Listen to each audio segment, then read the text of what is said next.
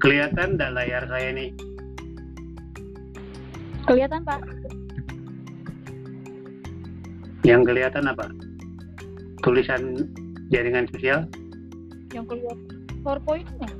Ya jaringan sosial, cakupan kuliah basic, fokus ego network, dan seterusnya. Ya.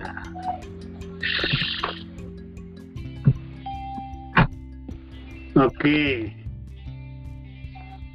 Jadi ini kuliah pertama kita dan saya akan mungkin tidak terlalu lama saya kira ya. 45 menit sampai satu jam lah.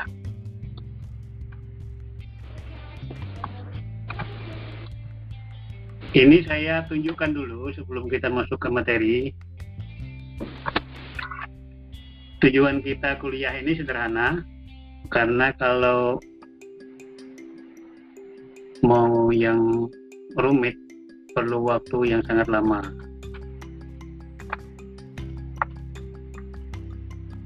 Tujuan kita adalah supaya bisa membuat gambar seperti ini. Gambar jaringan. Ini gambar yang agak rumit, tapi mungkin tujuan kita lebih sederhana dari ini. Membuat yang rumit ini juga tidak terlalu sulit sebenarnya. Yang penting datanya ada. Nah, untuk bisa membuat gambar seperti ini,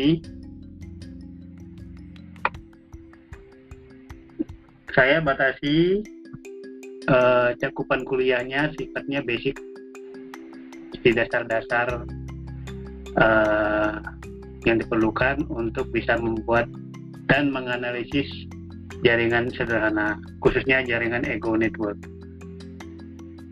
Jadi ini poin nomor dua ini adalah fokus pada ego network. Apa itu ego network? Itu saya kira kalian sudah pelajari, saya sudah bagikan uh, bahannya. Kalau tidak salah di bahan yang ketiga. Kemudian yang ketiga ini cara mengumpulkan data. Nah, untuk dapat mengumpulkan data ini membuat pertanyaannya seperti apa, ya segala macam sampling, populasi dan lain sebagainya itu kita bahas di situ. Dan yang keempat adalah cara mengolah data. Jadi data yang dikumpulkan diolah supaya bisa digunakan dengan aplikasi NetDraw. Saya kira semua sudah download ya aplikasinya. Sudah kah? Iya, Pak. Ah, bagus sekali. Lalu yang kelima, latihan. Latihan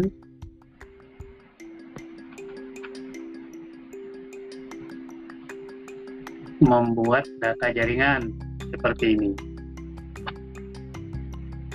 Dan yang terakhir adalah bagaimana menganalisis jaringan ini, memaknai jaringannya. Itu yang akan kita lihat dan saya rencana, rencanakan untuk mengerjakan itu cukup tiga kali kuliah online. Selebihnya langsung masuk ke yang nomor lima. Artinya latihan. Nah, kalau sebelumnya uh, saya minta supaya bikin riset sungguhan, tetapi sekarang ini karena harus karantina di rumah, ya nanti saya cari, ya nanti kita lihat apa yang sebaiknya, bagaimana membuat jaringan itu, mendapatkan datanya. Kalau kita mau mendalam untuk ego network ini, karena sifatnya kuliah kita ini hanya sifatnya dasar dan lebih pada stimulasi bagi yang ingin memperdalam nanti maka minimal ini yang harus dipelajari. Nomor satu itu data jaringan sudah saya buatkan anunya uh, PowerPoint-nya. Uh, penggunaan penggunaan grafik untuk merepresentasikan jaringan sosial sudah saya buatkan juga. Um, penggunaan Nedro ini nanti kita akan lihat sesimpel-simpelnya yang kemudian penggunaan matriks untuk merepresentasikan jaringan sosial ini juga akan kita lihat.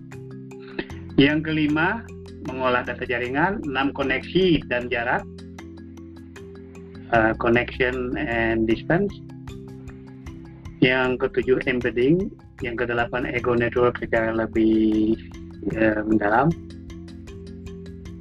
Yang kesembilan, sentralitas dan kekuasaan. Sepuluh, klik dan subkelompok.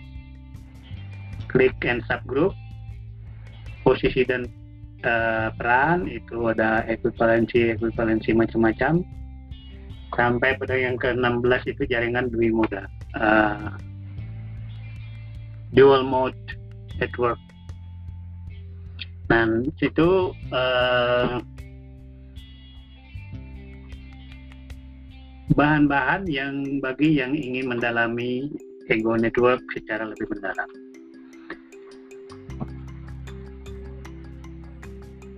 nanti mungkin kalian akan melihat bahwa analisis jaringan ini adalah sangat menarik sekali untuk memahami struktur sosial, uh, struktur kekuasaan, posisi seorang terhadap masyarakat dan sebagainya. Itu kan sangat menarik. nah, sekarang saya masuk pada data jaringan sosial itu hmm, bahan yang pertama. Data jaringan sosial dan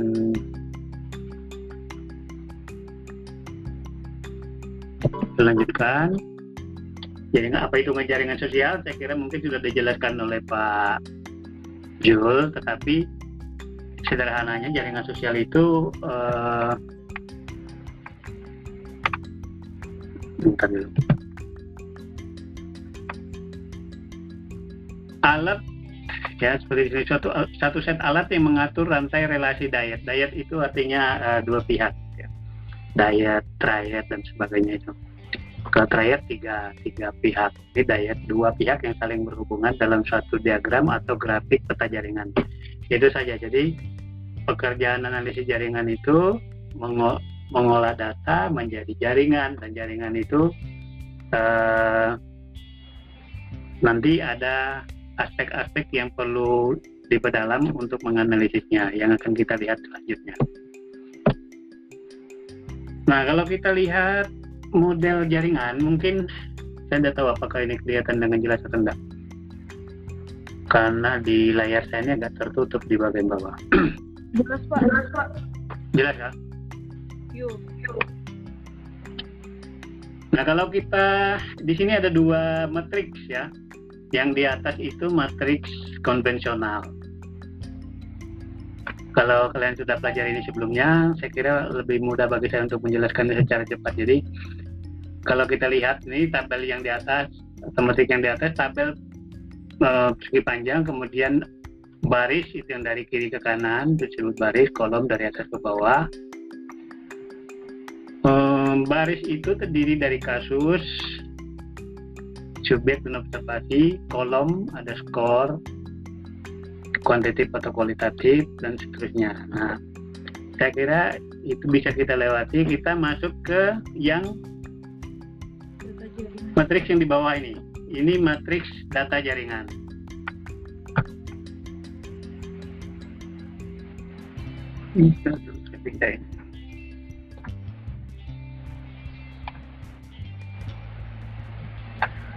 Nah, dalam matriks data jaringan ini antara baris dan kolom, jadi kita lihat nomor dua ini baris dan kolom berisi set data yang sama. Jadi kalau lihat di sini ya ada Bobby, Bella, Teddy, Ica Ada nama Bella di sini. Ya, Sama juga yang di atasnya Bobby, Bella, Teddy, Ica. Eh, sorry. Setiap sel menggambarkan jaringan pertemanan. Jadi ini jaringan pertemanan. Bentuk jaringannya bisa macam-macam. Cuma di contoh ini adalah jaringan pertemanan. Kalau kita lihat, ini Bobby tidak menganggap Bella sebagai teman, tetapi Teddy adalah teman, kemudian Ica eh, dianggap sebagai teman. Bella, ah, gimana? Iya Pak, paham. Paham ya? Iya. Ini sederhana sekali. Ini Bella, kalau kita lihat nih, ini Bella. Bella dengan Teddy tidak menganggap sebagai teman, tapi Ica dianggap sebagai teman. Dan seterusnya. Nah, itu bentuk sederhana. Nanti kita akan kembali ke situ pada kesempatan yang lain. Karena kita akan membuat untuk latihan nanti kita akan membuat matriks seperti ini di Excel spreadsheet. Kemudian dari Excel itu dimasukkan ke NetDraw. Pak, Ya, ini ini yang yang Bella sama Bobby itu maksudnya apa Pak yang satu? Pak? Bella sama Bobby itu kan satu. hmm, itu berarti dari Bobby ke Bella. Bobby menganggap Bella teman. Tadi katanya enggak.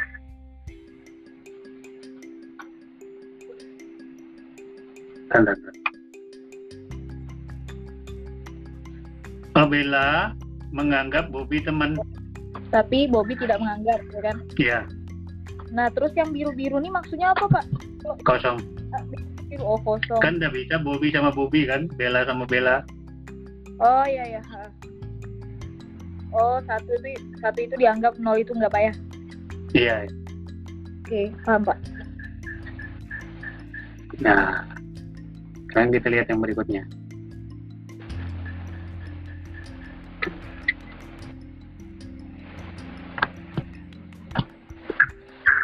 Apa yang dilihat dalam analisis jaringan? Yang pertama, lokasi aktor. Dengan membandingkan baris, dapat dilihat aktor yang sama dan berbeda dalam pilihannya.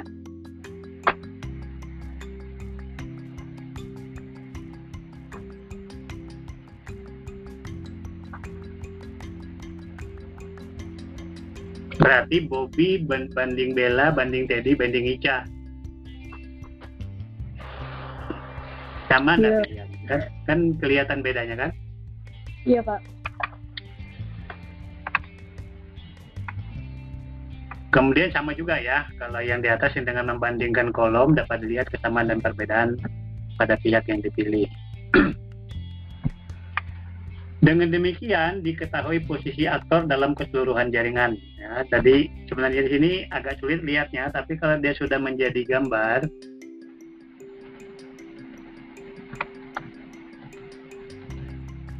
belum ada gambarnya di sini ya.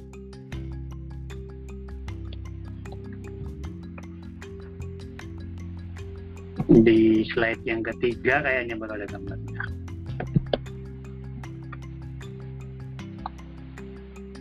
Atau yang pertama. Yang kedua.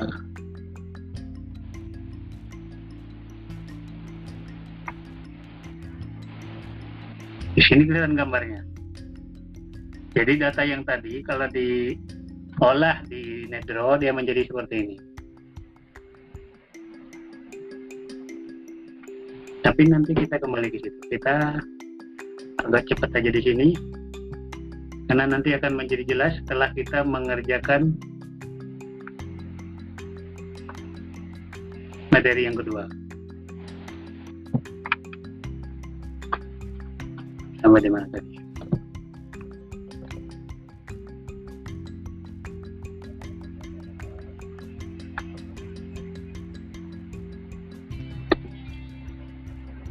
Jadi yang dilihat itu adalah lokasi aktor itu disebut embed embeddedness.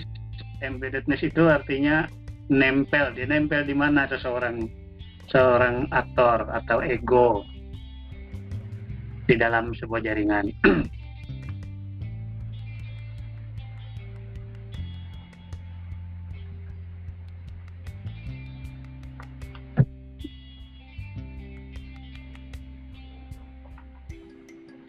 Lalu yang di bawah ini bisa juga dilihat pola keseluruhannya, baris dan kolom berisi set data yang sama, kasus, subjek, atau observasi.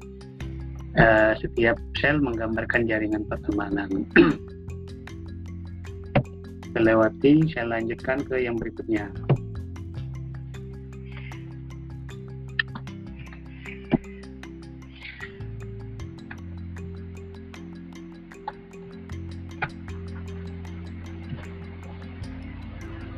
Yang di atas ini data jaringan dapat diperlakukan seperti data konvensional kalau mau.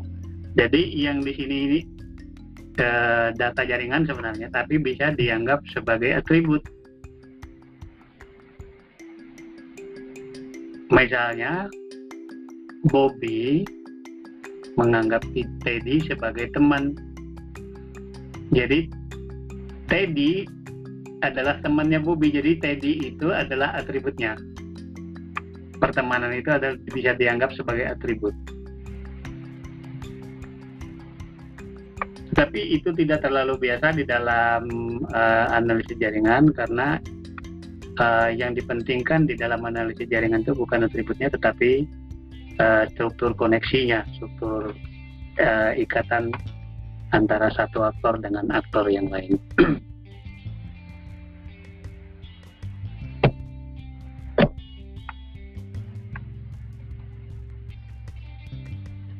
Lalu di dalam analisis jaringan ada yang disebut nodes. Node itu kalau diterjemahkan ke bahasa Indonesia artinya simpul.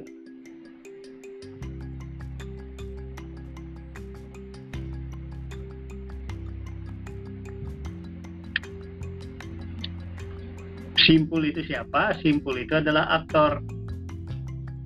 Jadi tadi itu ada empat orang. Empat orang tadi itu? Empat orang ya. Bobby, Bella, Teddy, dan Nica ini adalah simpul. Lalu hubungan antara mereka ini Bobby dengan Bella, Bobby dengan Teddy, Bobby dengan Ica dan seterusnya itu disebut jaringan atau garis atau edge edges ya. Jadi istilahnya itu aktor note itu uh, untuk menunjuk pada hal yang sama ya aktor kalau, kalau di Indonesia kan jadi simpul itu sama pengertian. Kemudian garis jaringan edge atau edges nah, jaringan garis atau edges ini sama yaitu garis penghubung antara aktor. Jadi analisis berfokus pada relasi antar aktor, bukan pada aktor dan atributnya.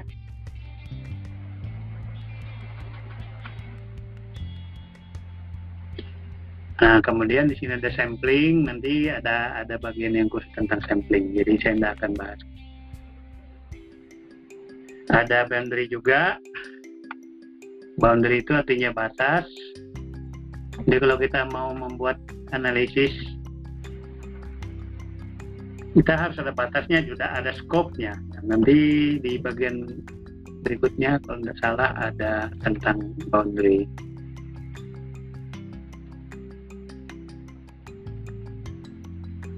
nah ini kita bicara populasi sampel the boundary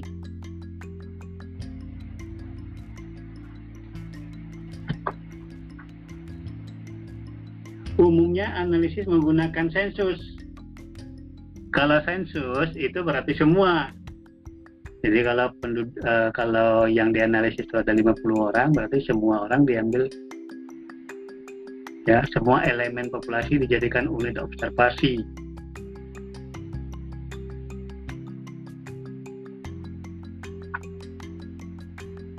Kemudian poin yang kedua, aktor bukan sampel independen.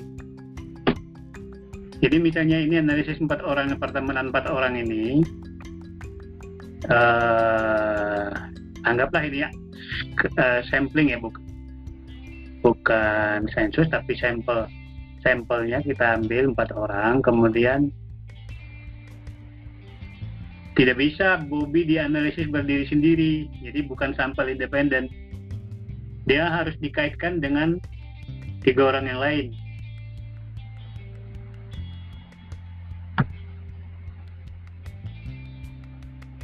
Sorry.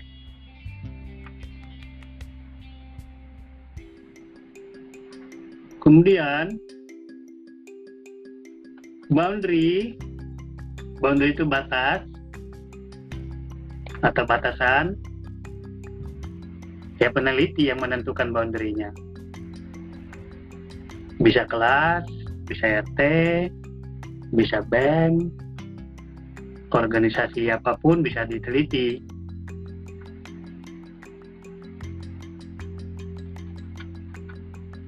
Kemudian uh,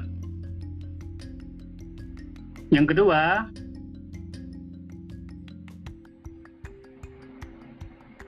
Bukan kelompok yang sudah pasti batasnya tetapi bisa ditentukan misalnya ini agregat. Abstrak ini bukan abstrak ya salah tulis. Agregat yang bersifat, bersifat abstrak misalnya orang yang berpenghasilan 10 juta per bulan. Cari di seluruh RT atau di seluruh kecamatan berapa orang yang berpenghasilan 10 juta per bulan? Dianalisis jaringannya mengapa dia bisa berpenghasilan 10 juta? Misalnya seperti itu. Cuma nanti kita akan mendapat kesulitan karena misalnya kalau ada 50 orang yang kita teliti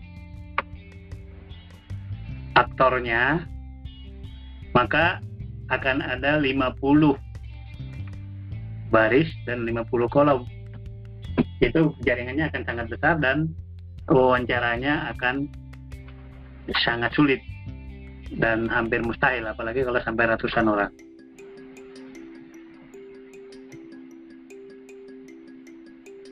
Maka uh, untuk hal itu nanti uh, seorang peneliti perlu menentukan sampel.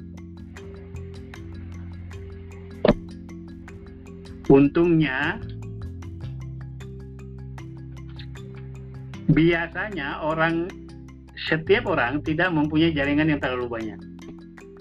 Ya, kalau seorang ego, seorang aktor, ada ada satu orang yang jaringannya sangat banyak? Kebanyakan orang itu mempunyai katakanlah uh, analisis pertemanan. Kebanyakan orang punya teman beberapa orang saja jadi uh, sebenarnya tidak terlalu sulit juga untuk menentukan analisis pertemanan atau analisis kerjasama analisis uh, bantuan sosial dan lain-lain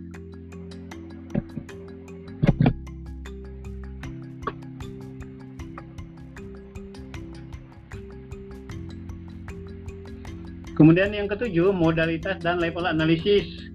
Ada yang disebut single bounded population. Itu yang sudah satu uh, uh, populasinya sudah jelas ya. Batasnya juga sudah jelas. Misalnya contohnya di sini siswa-siswa di satu kelas atau mahasiswa di satu angkatan itu sudah jelas ya single bounded. Kemudian yang multimodal uh, Jadi bertingkat-tingkat seperti di sini ya. Jadi kalau kita meneliti murid, murid itu ada hubungannya dengan guru. Jadi murid dan guru moda yang satu. Moda yang kedua, murid dan guru itu terkait dengan kelas. Dan di kelas itu ada kelas-kelas lagi di satu sekolah mungkin ada banyak kelas. Misalnya dari tiga kelas di kelas uh, 9, berkaitan dengan kelas 10 dan lain-lain. Lalu uh, bisa meningkat lebih luas lagi menjadi sekolah, lalu sekolah-sekolah, dinas pendidikan dan seterusnya. Itu kalau kita melakukan studi itu namanya multimodal.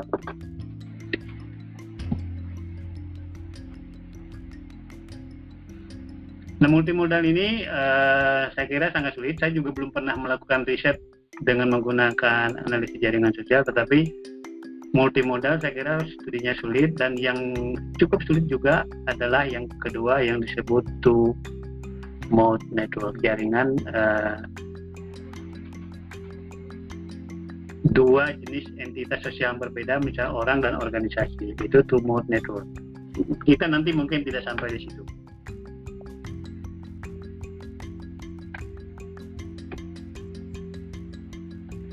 Sekarang kita lihat uh, sampling.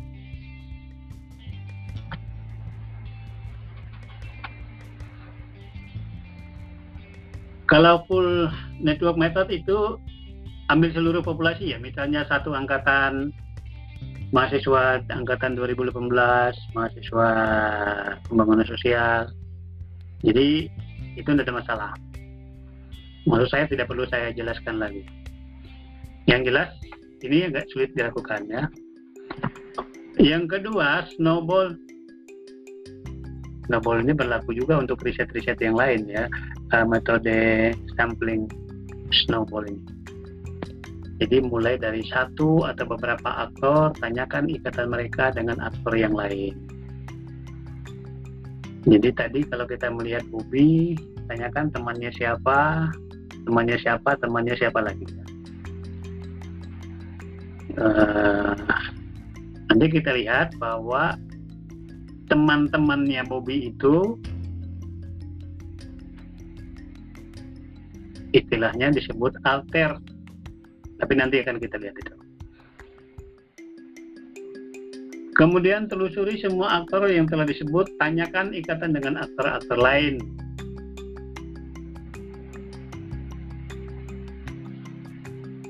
Ini juga disebut ya jadi semua aktor yang telah disebut itu disebut alter. Saya kira di materi yang lain sudah saya sebutkan ya. Oh, sorry.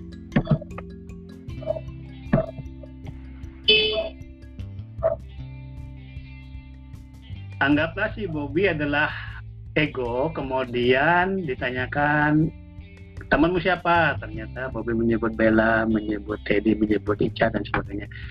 Bella Teddy Ica itu disebut alter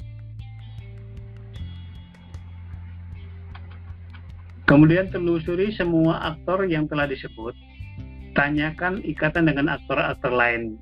Jadi alter itu ditanyai kemudian ikatannya dengan aktor-aktor yang lain itu artinya ikatannya dengan alter yang lain jadi alter dari alter.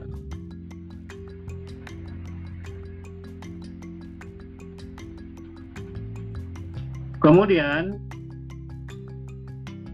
ya ini ada alasan praktis ya, penelusuran bisa dihentikan atas alasan waktu, biaya, dan lain sebagainya.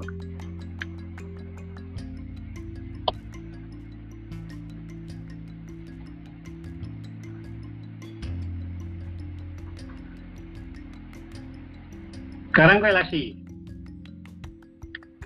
Yang kita lihat di sini adalah egocentric network atau ego network. Dengan koneksi alter. Jadi kalau kita lihat ya di gambar yang saya buat ini, anggaplah ini saya tidak bikin namanya ya ABC-nya tapi di tengah ini perempuan, perempuan yang di tengah ini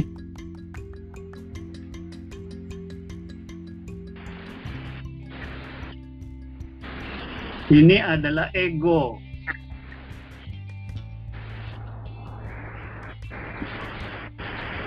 Lalu ego ini ada ikatannya dengan tiga laki-laki di sekitarnya. Teman-temannya laki-laki semua. Jadi ego terkoneksi dengan alter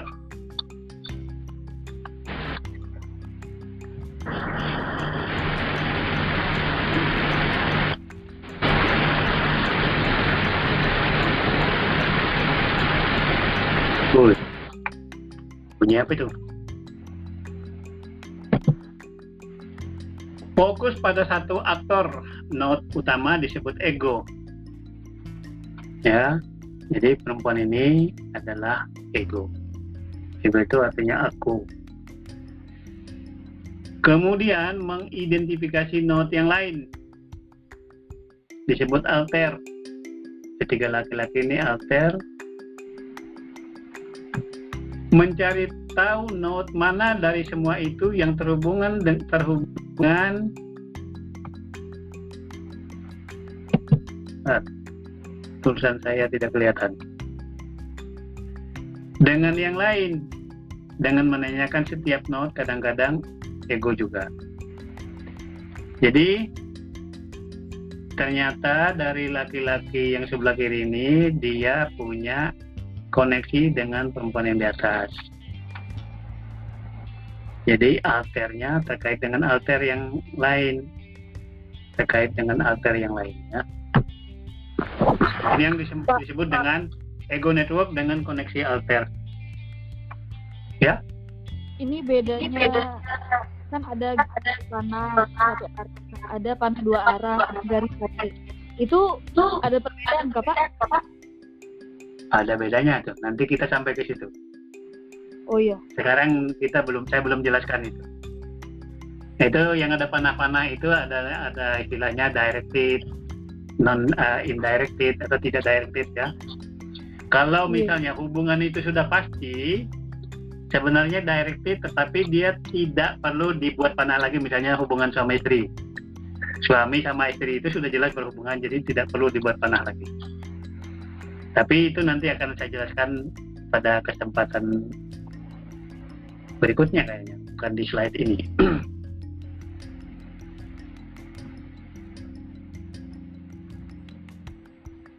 Lalu ya sudah ya. Ini yang egocentric network atau ego network dengan koneksi alter.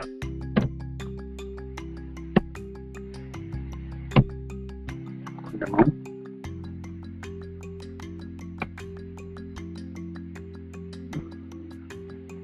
Oh, ini manfaatnya, keuntungan egocentric network. Efektif untuk mengumpulkan data relasi dari sebuah populasi besar dan dapat dikombinasikan dengan pendekatan berbasis atribut.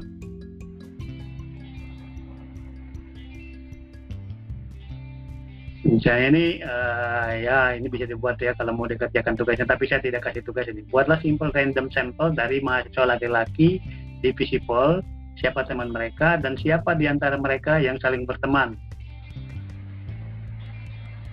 Uh, yang kedua, memberi gambaran tentang keseluruhan jaringan walaupun tidak selengkap snowball dan sensus. Yang paling lengkap itu sensus. Nah, saya lanjutkan yang ini, yang ini yang kedua ya. Ego network, ego saja jadi kalau ego saja itu bedanya dari yang ego dengan uh, alter tadi, uh, senternya perempuan ini jadi fokusnya.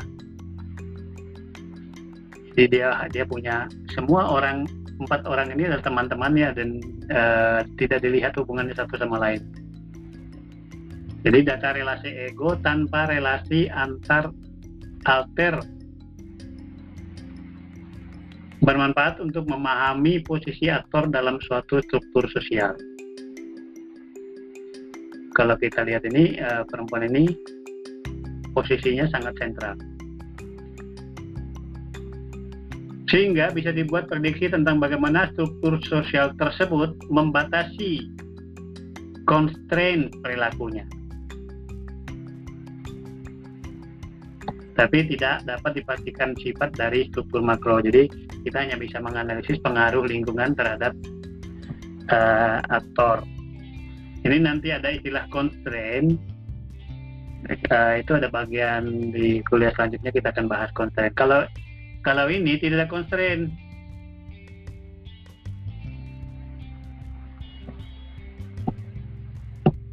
Tetapi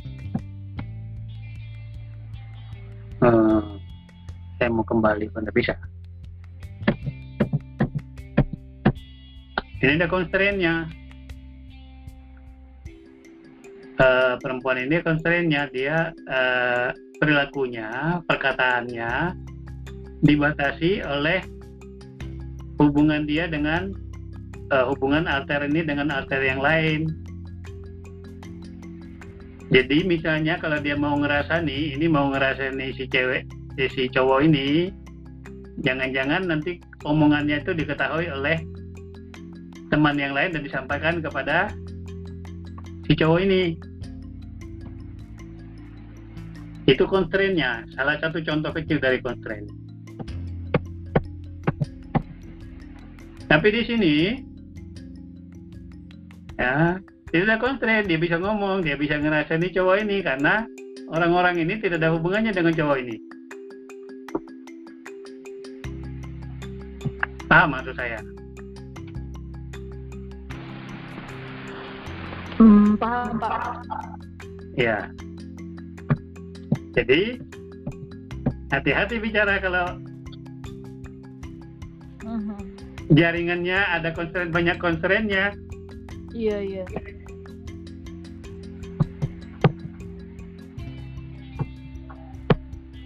Nah.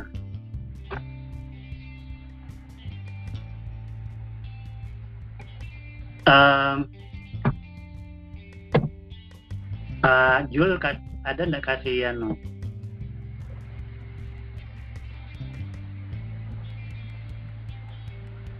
Relasi apa? Struktur bridging sudah ya? Sudah. struktur jaringan bridging. Bonding dan bridging itu sudah ya? Sudah nah itu nanti kita lihat ya. Kalau udah dikasih kan pasti dikasih tahu bentuk jaringannya seperti apa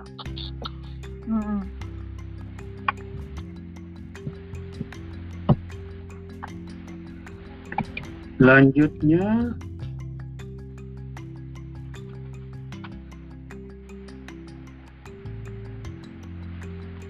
Hmm, yang saya tulis di bawah ini terlindung lagi. Apa bacaannya? Coba kamu baca. Yang baris yang di bawah ini.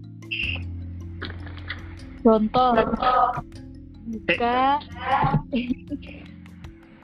jika ya. diidentifikasi relasi pertemanan yang alter dengan ego sebagai kerabat, rekan kerja, anggota kelompok studi, dan lain-lain maka dapat digambarkan jaringan posisi sosial bukan jaringan individu-individu di mana seseorang ter, terikat kayaknya terikat terikat oh. Oke, okay, itu yang sudah saya sebutkan tadi ya, saya sudah jelaskan tadi ya. Uh, rupanya saya harus uh, mengubah ukuran slide saya karena di layar saya itu dia ditutup sebagian sehingga saya tidak bisa lihat. Bagian bawahnya tertutup. Sekarang multi relasi um, ini sulit ya. Jadi saya kira kita tidak akan bahas multi relation multiplex ya. Sampai kita di eh, di pembahasan ini. Kemudian skala, saya kira skala mau tahu ya. Nominal, ordinal, dan interval. Kita sampai di interval saja yang kita pakai rasio itu nanti diperlakukan sebagai interval di dalam apa analisis jaringan.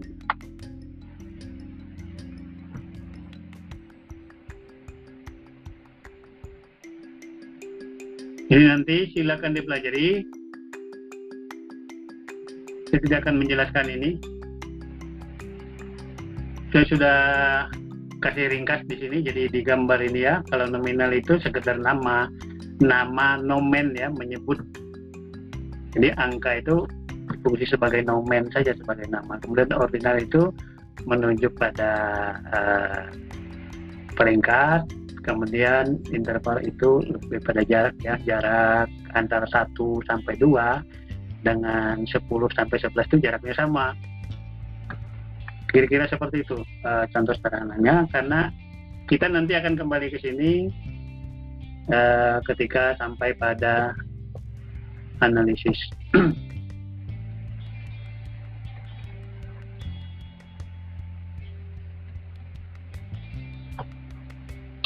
Oke, itu saya kira uh, untuk pengantar sederhana. Yang berikutnya nanti kita akan bahas tentang hmm, penggunaan grafik. Nah ini penggunaan grafik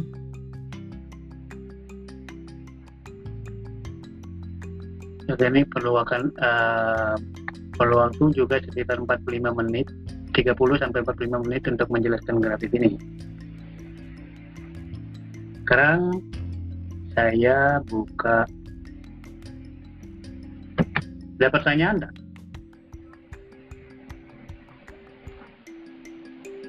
Hmm, saya bertanya.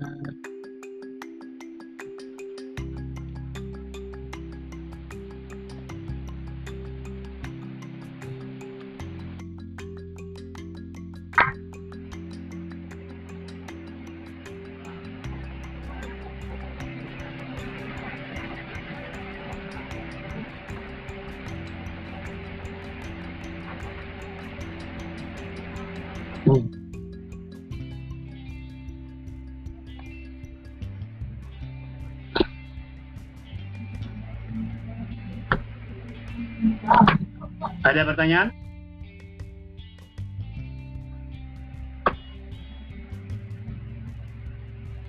Halo.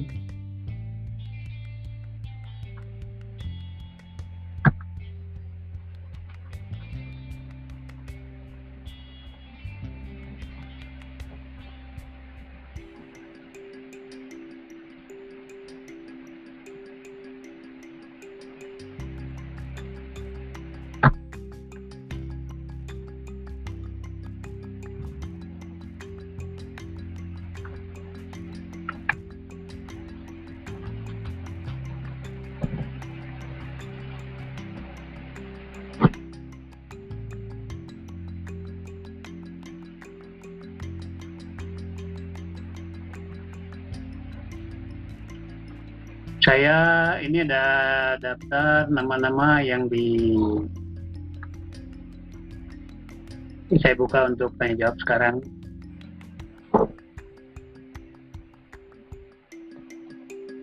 Good. Tarjun, Tarjun. Iya Pak, halo. Ada pertanyaan? Uh, kalau dari saya ini Pak mau tanya masalah ini kan kita tentang analis jaringan sosial. Apakah ini sama yang dilakukan sama pemerintah saat ini dalam mencari ini Pak apa uh, penyebaran COVID-19? Ini kan masalah jaringan juga Pak. Contohnya? Uh, contohnya yang sekarang ini kan Pak. Uh, dari adanya jaringan ini kan mereka tahu untuk penyebaran COVID-19 tuh di mana aja yang sudah pernah uh, apa ya ibaratnya pernah berkomunikasi dengan orang yang sudah terkena gitu nah Pak. Bisa juga itu ya. Jadi uh, tracking jaringan penyebaran itu bisa juga pakai uh, jaringan. Kemudian jaringan-jaringan internet, jaringan uh, di jaringan apa? Jaringan media sosial. Media sosial. Iya. Lalu kerjasama internasional dan lain-lain macam-macam yang menyangkut ikatan satu pihak dengan pihak lain itu bisa dianalisis dengan analisis jaringan sosial.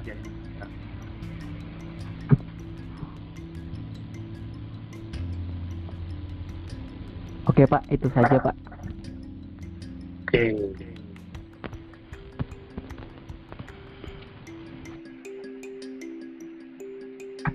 Saya lihat nih ada banyak yang nggak bisa saya aktifkan anunya. Ikonnya. Icon mic-nya. Yang bisa nih Riani. Iya, Pak. Ada komentar? Atau pertanyaan? Uh, kalau dari saya kayaknya cukup, Pak. Oh, maksudnya cukup cukup apa? Cukup jelas, cukup tidak Sudah jelas? cukup sudah cukup jelas, Pak. Oke, kalau begitu saya pindah ke Alfredus. Al Alfredus. Alfredus Pak. Ya, Iya Pak. ada ada Uh, pertanyaan? Saya mau tanya soal di slide ke-8 tadi Pak yang tentang constraint batasan. Slide ke-8. AA. Soal batasan. Constraint-nya itu ke-8. Pak. AA. Eh, yang tadi saya dengar ada kalimat terakhir dari Bapak sebelum Bapak next ke slide berikutnya itu eh, bahwa kalau banyak constraint-nya hati-hati ngomong berarti eh, biar yang lain yang lain nggak dengar gitu Pak. Jadi saya bingung di situ. Sebenarnya constraint ini dia backup, eh, maksudnya dia menutupi apa informasi ke alter lain atau gimana Pak? Constraint itu Iya, ini kalau saya bilang hati-hati itu contoh aja. Ya, jadi misalnya seseorang eh, mana tadi? Kalau ini kan ada constraint-nya ya di gambar Iya, ini. Pak. Gambar ini. Ya ada constraint-nya ya. Nah, jadi kalau si cewek ini, cewek yang di tengah ini, dia mau ngomong jelek tentang cowok yang sebelah kiri ini, Ya, meskipun dia ngomongnya secara pribadi, ngomongnya dengan cowok yang sebelah kanan ini, Heeh. ya, dia bilang, oh ini antara kita berdua aja, jangan ngomong-ngomong, jangan kasih tahu orang lain ya, ya. Ya. Tapi karena yang cowok sebelah kanan ini ada hubungannya dengan cowok yang di bawah ini, oh ya. dan cowok yang di bawah ini ada hubungannya dengan cowok yang yang dirasani tadi. Ah, Jadi kemungkinan apa omongan jeleknya dia yang tadi yang maksudnya rahasia ini bisa ketahuan Terbongkar. oleh terbongkar. Jadi kenapa disebut constraint? Karena jaringan ini eh, membatasi dia untuk berhati-hati dalam omongannya gitu. Oh iya iya. Iya Pak. Ya jelas ya. Iya ya jelas Pak. Siap. Hmm. Tapi ini bisa juga ada manfaatnya misalnya ya ini yang namanya bond, uh, bonding bonding relations. Bonding Ya. relations itu artinya ada hubungan yang dekat antara orang-orang dekat. Ah, Jadi ada bonding relation ini ada manfaatnya juga misalnya ada manfaat untuk kerjasama. Bonding relation ini penting untuk kerjasama. Kalau dia tidak bonding, kerjasamanya tidak jalan. Kan Iya, kalian Pak. sudah lihat itu kan di, di teori yang dikasih Pak Jul. iya Pak. Nah, ada lagi? Ah, nggak ada Pak. Itu aja. Oke. Siapa lagi nih?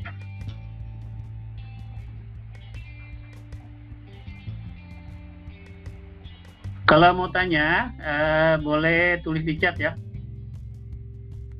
Kalau mau tanya cepat tanya.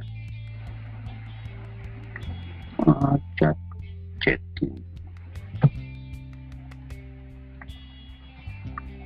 Kalau saya dilihat satu-satu gini agak lama ya. Ada ndak yang tanya? Silakan tulis di chat